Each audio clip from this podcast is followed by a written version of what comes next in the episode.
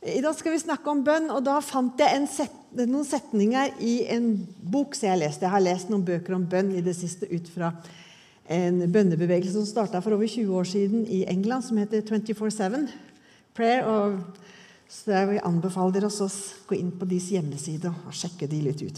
Men i alle fall, der sto det bak på en bok Alle ber, ingen syns det er lett, alle trenger vi litt hjelp. Altså, alle ber. Og De sier jo det at eh, spesielt der det er krig, der er det ingen ateister. Der, der livet er heftig, er det ingen ateister, for vi trenger noen å be til. Og så er det ingen som syns de får det til, og så ingen, trenger alle litt hjelp. Så da tenker jeg, da kan vi bare legge ned hele liksom, garden her, og så kan vi tenke at det er ikke feil med oss om vi strever, og vi er helt normale alle sammen.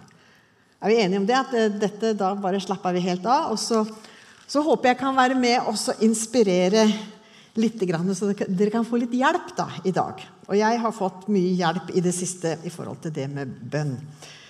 Eh, så, og jeg tenker Dette her er bare litt sånn, Vi må stadig ha friskt mot og starte på nytt og ikke gi, gi oss dårlig samvittighet. For noe av det som ødelegger mest, det er at vi gir oss dårlig samvittighet. Det er ikke noe vits heller. For bønn det er jo relasjon, og det er jo relasjon med Gud, vår far. Og Av og til så, så, jeg, eh, så, har jeg begynt å tenke på at når jeg ber, så er det ikke bare jeg og Gud. Liksom, jeg og en til, det er, Vi er jo fire. altså Fader, Sønn og Helligånd. Altså hele treenigheten. Og jeg er til stede når jeg skal be. Og det er jo veldig flott, da. Og så er det også en annen ting at Bønn det skal være enkelt. Bønn er ikke noe sånn kompliserte greier med masse du skal gjøre sånn og sånn. og sånn. Bønn det skal være enkelt og ikke komplisert. Men så er det ikke alltid like lett å få til, da. Men det er noe helt annet. Og så har jo bønn mange fasetter, mange nyanser i bønn. Og, og ehm, det, er akkurat som en diamant. Sant? Den har jo masse fine fasetter og farger. Eh, og, det er jo også litt fint, for da har vi stadig utviklingspotensial. Og vi får stadig gå inn i dypere fellesskap med Gud, vår far. Og det, vi blir liksom aldri ferdig. Og så, I dag så skal vi ta for oss tre fasetter tenkte jeg vi skal si litt om hvem vi ber til, litt om det med rammer og rytme, og så at vi kan få lov til å komme til Gud og være helt ærlig med alt det som er hele spekteret av sinnsstemninger.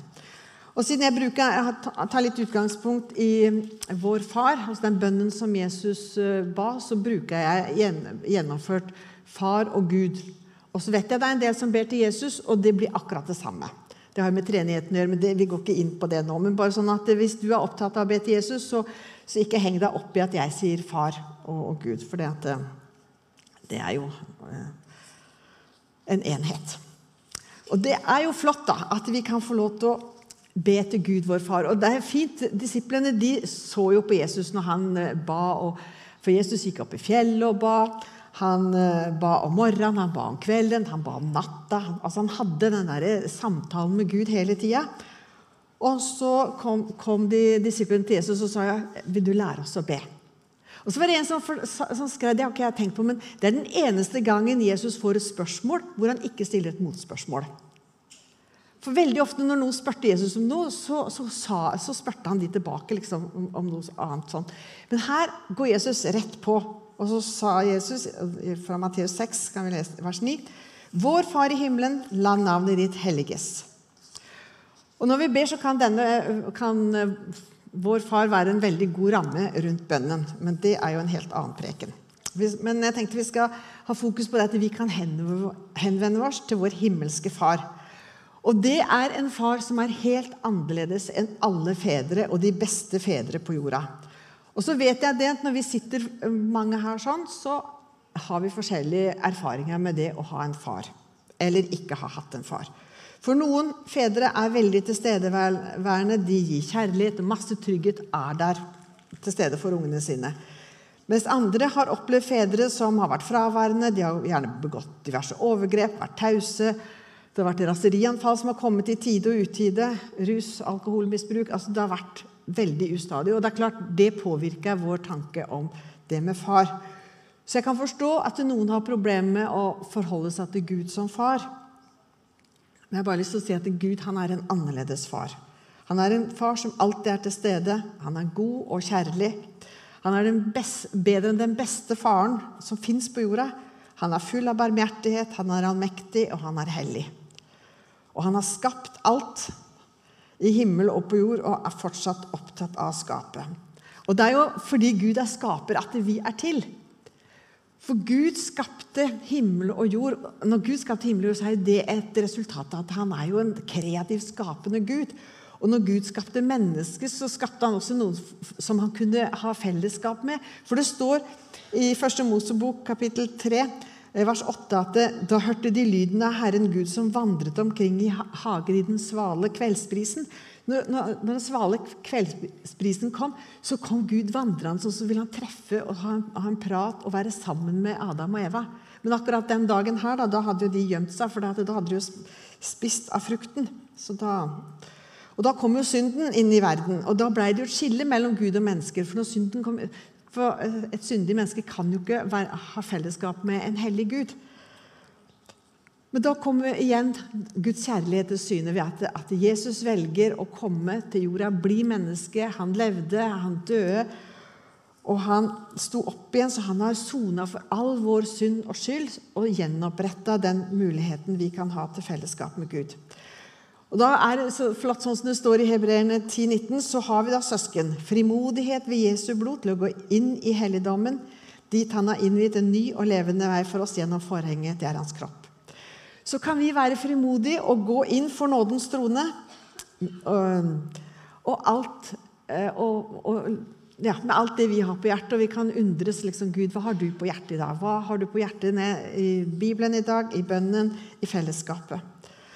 Og jeg kjenner at når jeg øh, øh, konsentrerer meg For dette er jo noe jeg må velge å gjøre når jeg setter meg ned. og Da må jeg velge å, å, å tenke på at jeg ber til Gud. Så blir det jo mye mer spennende da. Når jeg tenker at nå, nå, nå får jeg faktisk være sammen med Han som har skapt himmel og jord. Han som er Herre, han som er hellig. Jesus som er frelser, altså og Den hellige ånd som taler. Det er jo ganske fantastisk da, hvem vi egentlig kan få lov til å snakke sammen med og være sammen med i bønn. Eh, så, så jeg, jeg, tenker at det, det, Vi er jo veldig privilegerte når vi får lov til å være frelst og leve i den gudsrelasjonen. Og det å løfte blikket, det er òg veldig viktig. Eh, at, og, og, det var det Jesus lærte oss når, med, med, med, Fader vår. Det første han gjør, 'Vår Far, du som er i himmelen, la ditt navn holdes hellig'. Og vi trenger kanskje å bruke litt tid på både undring og lovprisning og refleksjon og sånn rundt hvem Gud er. Og så må, så må jeg bare si at dette er jo veldig forskjellig, da, åssen vi gjør det. Noen synger lovsang, noen leser Bibelen, noen bruker bilder. Altså, vi, vi, vi er jo så forskjellige. Så hver enkelt en av oss må jo finne det som er, er, eh, er, det beste. Og noen kan jo tenke at de liksom setter, setter seg opp et stort farsfang. Og en kan, kan, sitte der på Guds fang midt i det ja, Hvis en er sint og trassig eller trenger omsorg, eller vil sitte der og være en voksen med, og dele refleksjoner med Gud altså Vi kan, kan bruke fantasien vår, vi kan bruke Bibelen. Altså, ja, gjøre hva, hva, som er godt, sånn at vi liksom forstår hvem vi eh, ber til. Og det er klart, Guds navn det er hellig, og navnet til Gud sier noe om hvem han er. Og Når vi leser i Bibelen, så finner vi veldig mange navn på Gud som sier noe om hvem han er. Eh, og det, så Jeg vil anbefale dere også å lese Bibelen og så finne ut hvilke navn Gud har. Og Jeg har, eh, tenkt, har, to vers, så jeg har lyst til å vise noe av hvem Gud er. Og det er fra, Begge versene er fra Jesaja. Det ene er fra kapittel 9, vers 6. Der står det han har fått navnet underfull rådgiver, veldig Gud, evig far og fredsfyrste. Så hvis du sitter og tenker på han er underfull rådgiver ja, Vi trenger råd. Veldig Gud, evig far, fredsfyrste. Så takke Gud for at han er det. Og så la disse ordene synke inn. Og I Jesaja 57, 15 så står det om Gud. Han, eh, så sier han som er høyt opphøyd, han som troner evig, den hellige er hans navn. I det høye og hellige bor jeg, og hos den som er knust, som er bøyd ned, øh, knust og nedbøyd i ånden. Jeg vil gi liv til dem som er bøyd ned, og gi hjerteliv hos dem som er knust. Altså Gud bor i det høye og i det hellige. Han er der. Og samtidig så er han hos oss. Når vi er knust, når vi trenger Han. Og En som sa Gud han har to adresser. En i det høye og det hellige, og en her på jorda. Så det er den Gud vi har med å gjøre. Og så kjenner jeg det at dette går helt over min forstand å tenke og prøve å forstå hvem Gud er.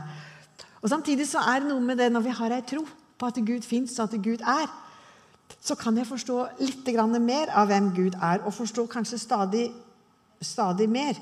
Men vi kan aldri forstå Gud fullt ut, for Gud er alltid mye større. Semper major er noe som sier at Gud er alltid mye mer. Og så Selv om jeg vet at jeg aldri kan forstå Gud fullt ut, så skal jo ikke det hindre meg i å stadig bli bedre kjent med Han og tilbe Han og være sammen med Han. Og Så er det noe med det å også la Guds navn være hellig. da. For vi lever i en tid som det er veldig mye at vi skaper Gud i vårt bilde. Men Gud kan ikke være sånn, og Gud er sånn, og Gud kan ikke mene det. Ja, vi har litt sånt nå. Men da er det igjen viktig at vi bruker Guds ord og ser hvem, hvem, eh, hvordan Guds ord sier oss hvem Gud er. Og så har jeg lært gjennom det livet, nå har jeg levd noen år, at jeg kan ikke forandre på Gud. Skulle ønske jeg kunne gjort det noen ganger, men vi kan ikke forandre på Gud. For han er den han er. Og i Guds ord så blir vi kjent med han, og, og, eh, og da lærer vi også å tolke erfaringene vi gjør, gjennom Guds ord. Og Det er en sang som Petter Dass eh, skrev. Den er gammel. Gud er Gud om alle land lå øde. Gud er Gud om alle mann var døde. Gud er Gud, og vi kan ikke gjøre noe fra eller til på hvem Gud er. Men vi kan bli kjent med han, og vi kan få lov til å leve i fellesskap med han. Og det er jo ganske fantastisk, da. Og, det, og, og vi blir kjent med han, det er gjennom å lovsynge med og uten toner. Ehm, vi kan glede oss i fellesskap med Han og være ærbødige innenfor Gud, vår Far. Og så kan ikke ord romme eh, Gud fullt ut, men gjennom tilbedelse og takk så kan vi få lov til å gi litt gjensvar. Og så syns jeg det er veldig flott at vi kan få lov til å undre oss. Jeg er veldig glad i ordet undring. Og når jeg leser i Guds ord og, og lever livet, så kan jeg undres over hvem Gud er. Men undringen må skje i relasjon til Guds ord. For vi, vi, vi jo, skjønner jo aldri fullt ut, men vi kan undre oss, og det vil åpne for nye tanker og ny forståelse. Så det er han vi får lov til å komme til. Og så er det å gjøre det, da. Og så syns jeg det er litt godt, eller det er litt nødvendig, iallfall for meg, å tenke på det at det er ingenting som blir av seg sjøl. Det er ikke noe som kjent av seg sjøl. er en sang vi sang i gamle dager. Og det er veldig sant. Det eneste som går helt av seg sjøl, det er forråtnelse. Vi trenger ikke hjelpe det med det, eh, forråtnelse. Det, det, går bare helt av seg sjøl. Men skal noe vokse og få liv, så trenger det vann og lys og næring. Og litt godt stell. Litt kløpping òg trenger noe. Og det gjelder planter og dyr som trenger Jeg skal ikke kløppe planter, da, men, nei, dyr, men, men får planter må kløppes. Eh, men alt, som det er liv i, trenger næring og stell. Og det gjør menneskelige relasjoner oss imellom, og det gjelder også relasjonen til Gud, vår far. Så vi trenger å være litt bevisst i, i og gjøre aktive valg i hverdagen. Hvordan skal jeg finne tid til å ha tid til Gud og være sammen med Gud i en travel hverdag? Og så kan dere si om det er ikke så farlig med deg. Du har jo ikke har du unger hjemme og jobber bare halvt. og ja, jeg vet jeg er veldig, Akkurat nå jeg har ikke, vært, jeg har ikke hatt det så godt før, så har jeg det veldig greit, så jeg skal ikke klage. Eh, men jeg, om jeg lever et litt stillere og roligere liv, så må jeg jo ta valg. Og det må vi alle. Vi må velge, gjøre valg i livet vårt. Og lar vi være å velge, så er det også et valg. Og Derfor så tenker jeg det er litt viktig at eh, vi lever de livene vi har fått, og ikke la livet bare bli. For ofte kan travelheten ta oss, og så blir, det, blir livet bare til. Og så vet vi det er mange tidstyver. Jeg skal ikke begynne å legge ut om disse tidstyvene. Men jeg har bare lyst til å utfordre dere både som enkeltpersoner, i familien, i huskjerkene, i de vennegruppene dere har, å snakke om åssen vi bruker tida, og hvilke tidstyver som, som vi gjerne kan ta litt til fange og, og eh, si, sette i fengsel. Så, sånn at vi får, får, litt mer tid, for det er. Og Da leste jeg om en næringslivsleder, som en travel sådan, som var blitt frelst. Og Så gikk han til pastoren sin og så sa han at 'jeg har ikke tid til å be og lese'. Jeg har ikke tid til andagsliv. Mye lettere for deg som er pastor, for du har jo som jobben din. Og så kikka pastoren på han, og så sa han, så sa han at du får tid til det som er viktig for deg. Det du vil, det klarer du å finne tid til. Så gikk han jo og tenkte litt på det, og så endte det opp med at han gikk og fant seg en flott og god stol. Kjøpte seg en ny stol, og så satte han den foran et vindu. Og så sto han opp 20 minutter tidligere hver morgen, og så satt, gikk han og satte seg i stol, satt der i 20 minutter og hadde tid med Bibel og fellesskap med, med, med Gud. Og så kan både kona og kollegaene fortelle at eh, det gikk ikke lang tid før de merka endring hos denne mannen. Det fellesskapet han hadde der med, med Gud, det gjorde noe med han. Så det, det, å finne disse gode rammene Og det kan være gode rammer. God stol, god kopp kaffe, kakao, et eller annet som du syns er godt. Og for dere som ikke orker å sitte stilt Vi snakket om det med, med bønn en gang. og så, ja, men 'Jeg kan ikke sitte stille i 15 minutter og be en gang', var det en som sa. Nei, men da kan du ut og gå. Eller ut og sykle. Eller tre, be mens du trener. Være fysisk aktiv. Ta det på bussen, i bilen, på vei. Altså, bruk, finn hvor, hvor, hva, hva passer for deg. For det er fantastisk å gå tur med Jesus. Og hvis du har ei bikkje du skal lufte, en gang eller to til dagen, så kan jo det være tida du har med Jesus. Altså Bruke fantasien, bruke kreativiteten, det som passer for deg. Eh, for du skal ikke kopiere noen andre. tenker Det er litt viktig. Jeg er jo sånn som elsker å lese. og Jeg sitter altfor mye stille, sier mannen min da. Men det er noe helt annet. Men jeg, for meg er det greit å bare sitte og, så, og være. Jeg kan gå tur, men da, da flyr tankene mine. For meg passer det, Så jeg kan jo godt sitte, snakke om det der med å sitte. Men, men kom dere ut opp på et fjell et eller annet sted. Og, det, og Jesus også sa det at vi skulle gå inn i et rom og så lukke døra. Og det er nok ikke bare den fysiske at vi må ha et rom, så skal du lukke døra, skal du være helt alene. Men det er liksom det å finne det, det alenerommet hvor du kjenner du kan være alene. Og det kan godt være på et treningssenter sammen med mange andre. At du får et alenerom med deg og Jesus. Men, men bruk den, den tida du har.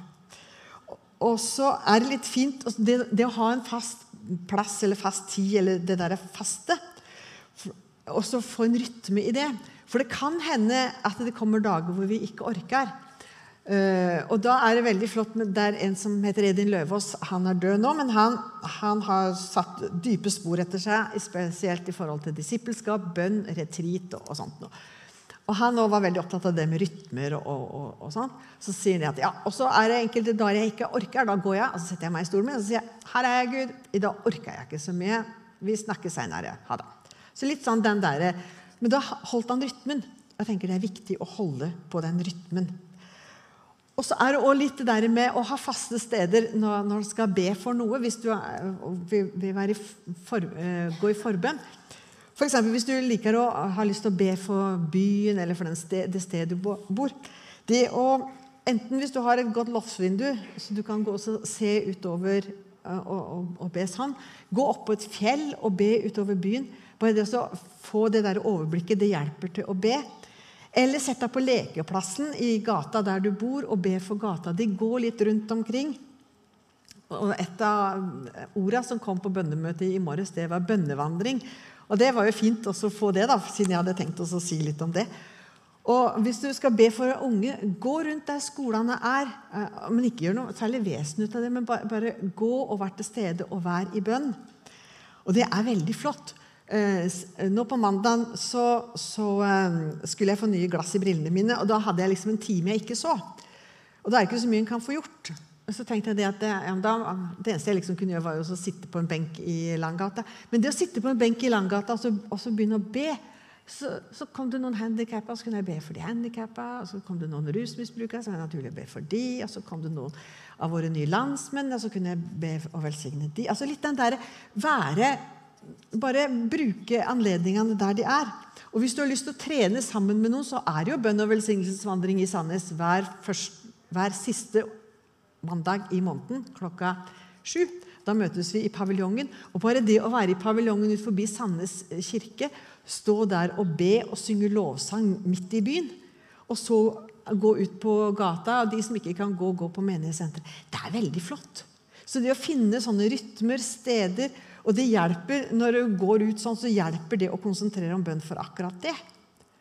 Og så, er det jo gøy òg, da. Og hvis vi leser eh, sånn historie nå, Runar er jo veldig på det med historier. Så jeg kan jo ta en historie fra gamle dager, jeg òg. Men da tar jeg den fra Telemark, da. Siden jeg er telemarking. Og der var det ei som eh, Nå skal ikke jeg si akkurat hvor det var, for det, det husker jeg ikke. Men det var ei som blei frelst. Og så var det veldig mye ugudelighet, syns hun, rundt omkring. Så bodde de oppe på, høyt oppe på fjell. De var, de var fattige folk, så de bodde litt høyt oppe. Så hun hadde en stein, så hun gikk ut av den steinen veldig ofte, om ikke hver dag, og så ba hun for bygda. For fra den steinen kunne hun se alle gårdene. Og hun ba med navn for alle gårdene. Og det tok ikke lang tid, så var det en kjempevekkelse som gikk over det området. Hvor, og det var hun som var liksom den som satte det i sving. Så det, jeg tror det er noe med det, det derre eh, jeg, jeg, har fått en sånn tanke, jeg har, jeg har ikke sjekka liksom skriftsgrunnlaget for det, men, men jeg tenker det der å være ute ikke bare sitte inne og be, men være ute i, i byen, i gatene våre, oppå fjellene våre og be. Det er noe flott med det. Så jeg bare har lyst til å oppmuntre dere til å ut.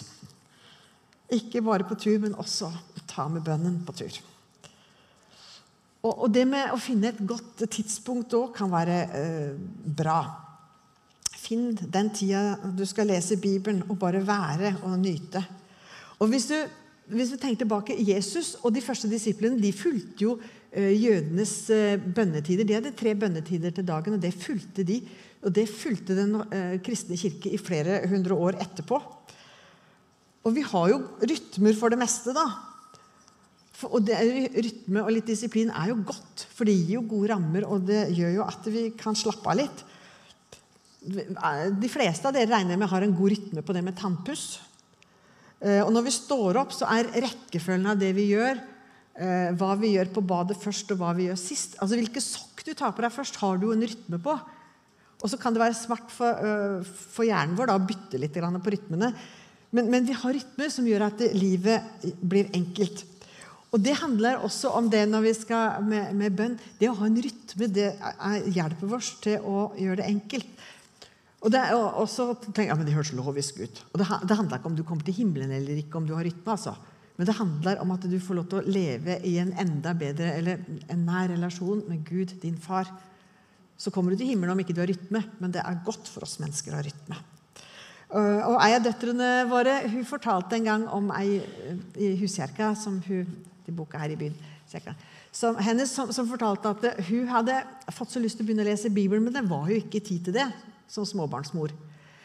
Og så tenkt, men så fant hun ut at etter middag tror jeg det var, så, så lekte ungene. Og så fant hun ut da kan hun sette seg ned og lese. Og så hadde hun en viss mengde hun skulle lese.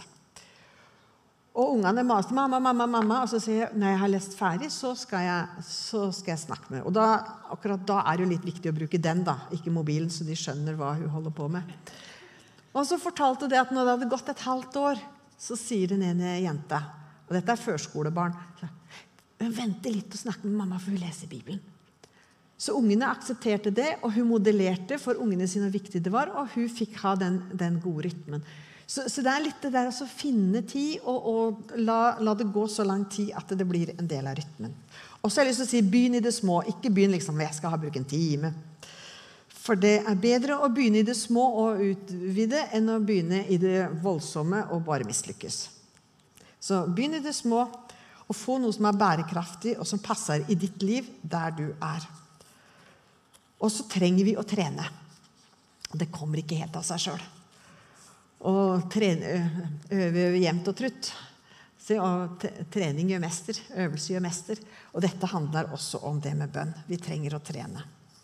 Puste dypt, og det skal være enkelt. Men det er ikke alltid like enkelt å ha den tilstedeværelsen. Og da trenger vi kanskje av og til å puste litt dypt i, i magen og bare være til stede. Og det syns jeg er litt vanskelig. Og det har hendt at jeg liksom tenkte nå skal jeg bare være til stede hos deg, Gud. Og så har jeg vært litt trøtt, og så har jeg sovna. Men så er jo det litt fint, da. Å sovne i Guds nærhet. Han er jo far. Så vi kan jo sove. Så jeg syns det er litt fint. Og Jesaja sier det i kapittel 30, vers 15. I stillhet og tillit skal deres styrke være. Og det er fint å finne den stillheten sammen med Gud, vår far. Og så tror jeg kanskje noen har litt lettere for det enn andre. Men eh, vi må trene. Ikke noe stress, men bare øve, øve jevnt og trutt. Kanskje du må være litt kreativ, skrive, tegne for å finne stillheten. Er, vi, vi, må ikke sette liksom sånne strikse ram. Bruk det som er naturlig for deg. Så jeg har bare lyst til å si det at Vi har jo hatt eh, noe bønn, fokus på bønn. Vi hadde bønnedag sist lørdag. Da hadde vi bønnevandring rundt på huset her og litt forskjellig. Og så er det bønn som er tema i dag, og så er det disippelskap og etterfølgelse som er eh, tema på seminar til helga. Så da fant vi ut at når vi skal ha rasteplass den 14., altså onsdagen etter neste søndag, så la, åpner, gjør vi den litt større, den rasteplassen, sånn at vi kan snakke litt sammen, bruke litt tid sammen, ha litt å bite i, prate om, om det med bønn og, og åssen vi gjør det, og hjelpe hverandre litt til å finne måter å leve sammen med Jesus i hverdagen vår. Og bruk huskirkene òg til å snakke om dette og hjelpe hverandre til å oppmuntre hverandre. For vi trenger hverandres historier, vi trenger å høre, sånn at vi kan få både mot og tro og hjelp til å komme videre. Og så er det så flott at vi kan få lov til å komme til Gud akkurat sånn som vi er. Jeg vet ikke om dere, jeg er jo glad i de kongelige, da, så jeg så et dokumentarprogram om kongen og dronninga. Og I et av de så hadde kongen et møte med barn som øh, vokste opp i familier med vold. Familievold. Og så er reis etter Marte. Så sitter hun i, i, møte med kongen og så forteller hun kongen en historie som hun aldri har sagt til noen. Ikke engang til lederne av det. For det var en gruppe som, som, som hun var med så de fikk hjelp til å håndtere dette. Og så sier han lederen for, for gruppa om du har aldri fortalt om dette før. Nei, men nå var jeg hos kongen, og til kongen kunne jeg fortelle. Og jeg kjenner jeg bare fryser når jeg sier det. Og vi kan få lov til å komme til kongenes konge. Og vi kan få lov til å fortelle. Og så fortalte kongen etterpå, for han ble intervjua om åssen han syntes det var. Han sa jeg syntes dette var så vanskelig. Så han, i, I filmen så har han en pause, og så sier kongen det er ikke din skyld. Og så fikk jenta så mye hjelp og mot til å gå videre. For det var ikke hennes skyld. Hun klarte å plassere det som var. Og så kan vi få lov til å komme inn for Guds trone. For kongenes konges trone. Og vi kan finne nåde, og vi kan finne hjelp med det vi står i. Forfatteren av brevbrevet sier la oss derfor med frimodighet tre fram for nådens trone, så vi kan finne barmhjertighet og finne nåde som gir hjelp i rette tid. Hos Gud, min far, kan jeg få lov til å være akkurat den jeg er. Jeg kan være ærlig med den jeg er, og jeg kan få lov til å være ærlig med åssen jeg har det. Og i sommer, Dette har jo gått og surra i, i huet mitt en stund. Altså, og i, i sommer tenkte jeg eh, Gud er min far. Ja, men Fedre de liker jo at barna leker. Gud er min far, og han liker at jeg leker. Jeg kan få lov til å leke. Og det står David han lekte og danste for Guds, Guds åsyn. Eh, første krønike. David og hele Israel dansa og lekte av all kraft for Guds ansikt. De sang til toneløp fra lyrer og harper og trommer og cymbaler og trompeter. De lekte og sang lovsang. Og vi kan få lov til å leke og synge lovsang. Vi kan ta ut gleden og kreativiteten og tilbedelsen. Altså hele gledelses... Jeg, fant, jeg laga et nytt ord. Gledelsesregisteret. Det kan vi ta ut hos Gud. Der kan vi være, der være begeistra, og der, der, kan vi liksom være sånn. Og det er jo ganske fantastisk, da. Og det elsker jo Gud, for han er jo vår far. Og så kan vi være midt imellom, når dagen er liksom bare helt jevn. Og når den er helt grei, da kan vi være der.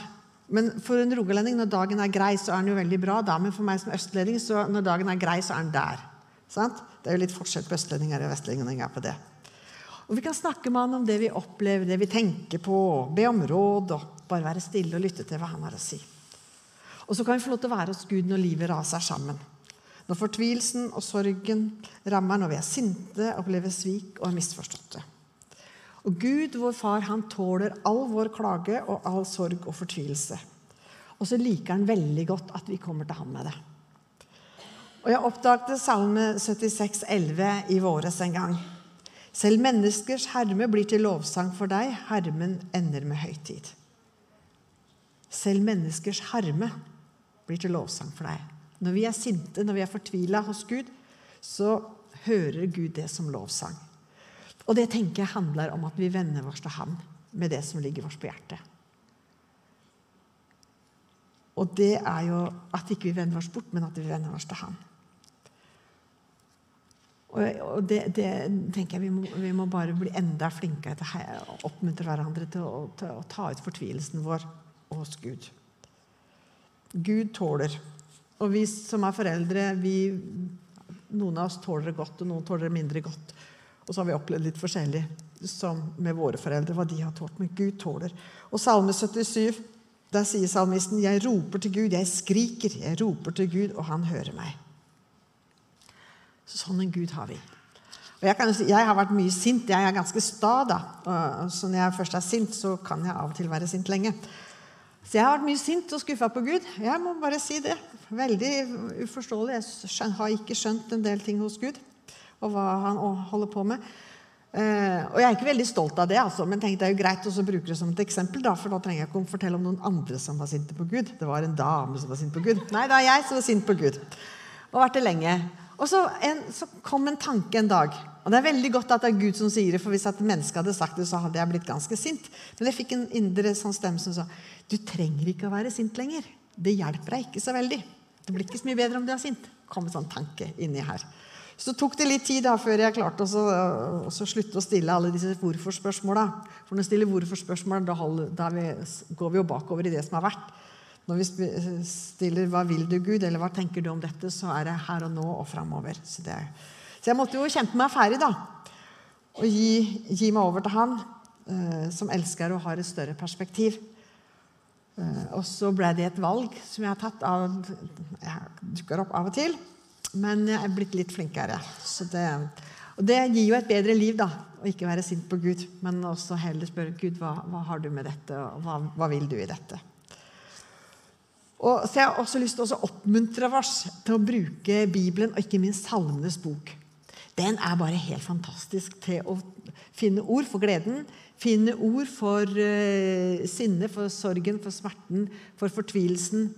Uh, ja, Det står til og med ting der jeg kanskje ikke hadde tenkt å si direkte til Gud, men da kan jeg få hjelp til det. og jeg tror det er vel. Så Bibelen, og ikke minst Salmenes bok, er ei skattkiste. Det, den, og den brukte Jesus og disiplene nå. For det var den, eh, Gamle testamentet var den Bibelen de hadde. De hadde jo ikke Nytestamentet. Så Jesus brukte masse den, og disiplene brukte det. Og noe som jeg syns er fint, og, og, som er spesielt, som, som krasjer litt med, med, den kulturen som vi har nå, det er at, det, at det, salmisten klarer å holde sammen sinnet, fortvilelsen, det, og samtidig holde fast ved hvem Gud er. At Gud er stor og mektig og barmhjertig. Det er, ikke, det er en spenning i det, men, men, det er ikke noen motsetning. For ofte hos oss vi, vi, er nok litt mer sånn at, at ja, hvis, hvis, Gud er god og kjærlig, så kan jo ikke han la meg få oppleve dette, eller så må jo han ordne opp i dette. Altså, vi, vi, liksom, vi tenker at ja, hvis Gud er, så, så, må sånn og sånn skje. Men, men, men Gud er. Eh, og, og, eh, og, vi kan ikke forandre på Gud. Og, det det er, og vi kan lære av, av Salmenes bok spesielt også, også balansere det og, og holde, eller ikke balansere, men holde spenningen i det, fortvilelsen i, det, i, i, livet og når livet er vanskelig, og samtidig tilbe Gud for den han er. Og det, det, er, eh, er litt utfordrende. For Gud er jo til stede. Gud er Gud i livet våre. Og Noen ganger griper han inn og gjør mirakler og under, og andre ganger ikke. Og så må vi leve i den spenningen. Men Gud, vår far, han er til stede alltid, samme hva som skjer.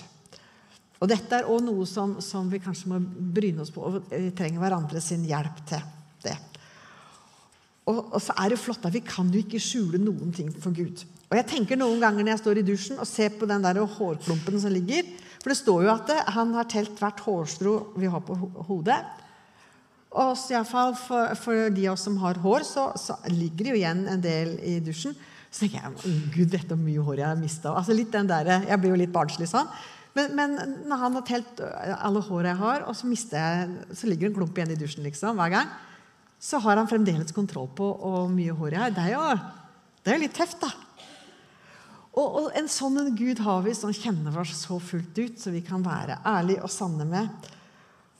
Og jeg tenker For oss som er Guds barn, så har vi jo en kjemperessurs og en, et privilegium. Jeg klarte ikke helt å finne ord for, for, for, for hvor bra det er at vi får lov til å få ha den relasjonen midt i de livet vi har. Og midt i den ustabile verden som vi lever nå, så får vi ha den der faste klippen. Gud er, er, en klippe i livet vårt som vi kan få lov til å stå på, og som vi kan få lov til å holde oss på. Så er det en sang som, som har dukka opp. Jeg skal ikke synge den, for det er litt for stort toneskille på den. eller forskjell på høyde og lave. Men den er sånn Herre, til deg får jeg komme, komme presis som jeg er. Innenfor deg kan jeg ingenting dølje, for du vet hver tanke jeg bærer. Men trots at du ser all min svakhet og vet at jeg er et av dine minste barn, får jeg komme endå, og jeg kjenner det så. Under alt er jeg elsket av deg. Gud lengter etter deg og meg. Han lengter at vi skal komme til han. Og Gud, din far, venter på at du skal komme. Så er det opp til oss å finne tid og sted, for Gud er der når vi kommer. Far, jeg takker deg for at du er en far som tar imot oss. Takk for at vi får være dine barn. Takk at vi får lov til å være oss sjøl hos deg. Takk, Herre, at du er Gud.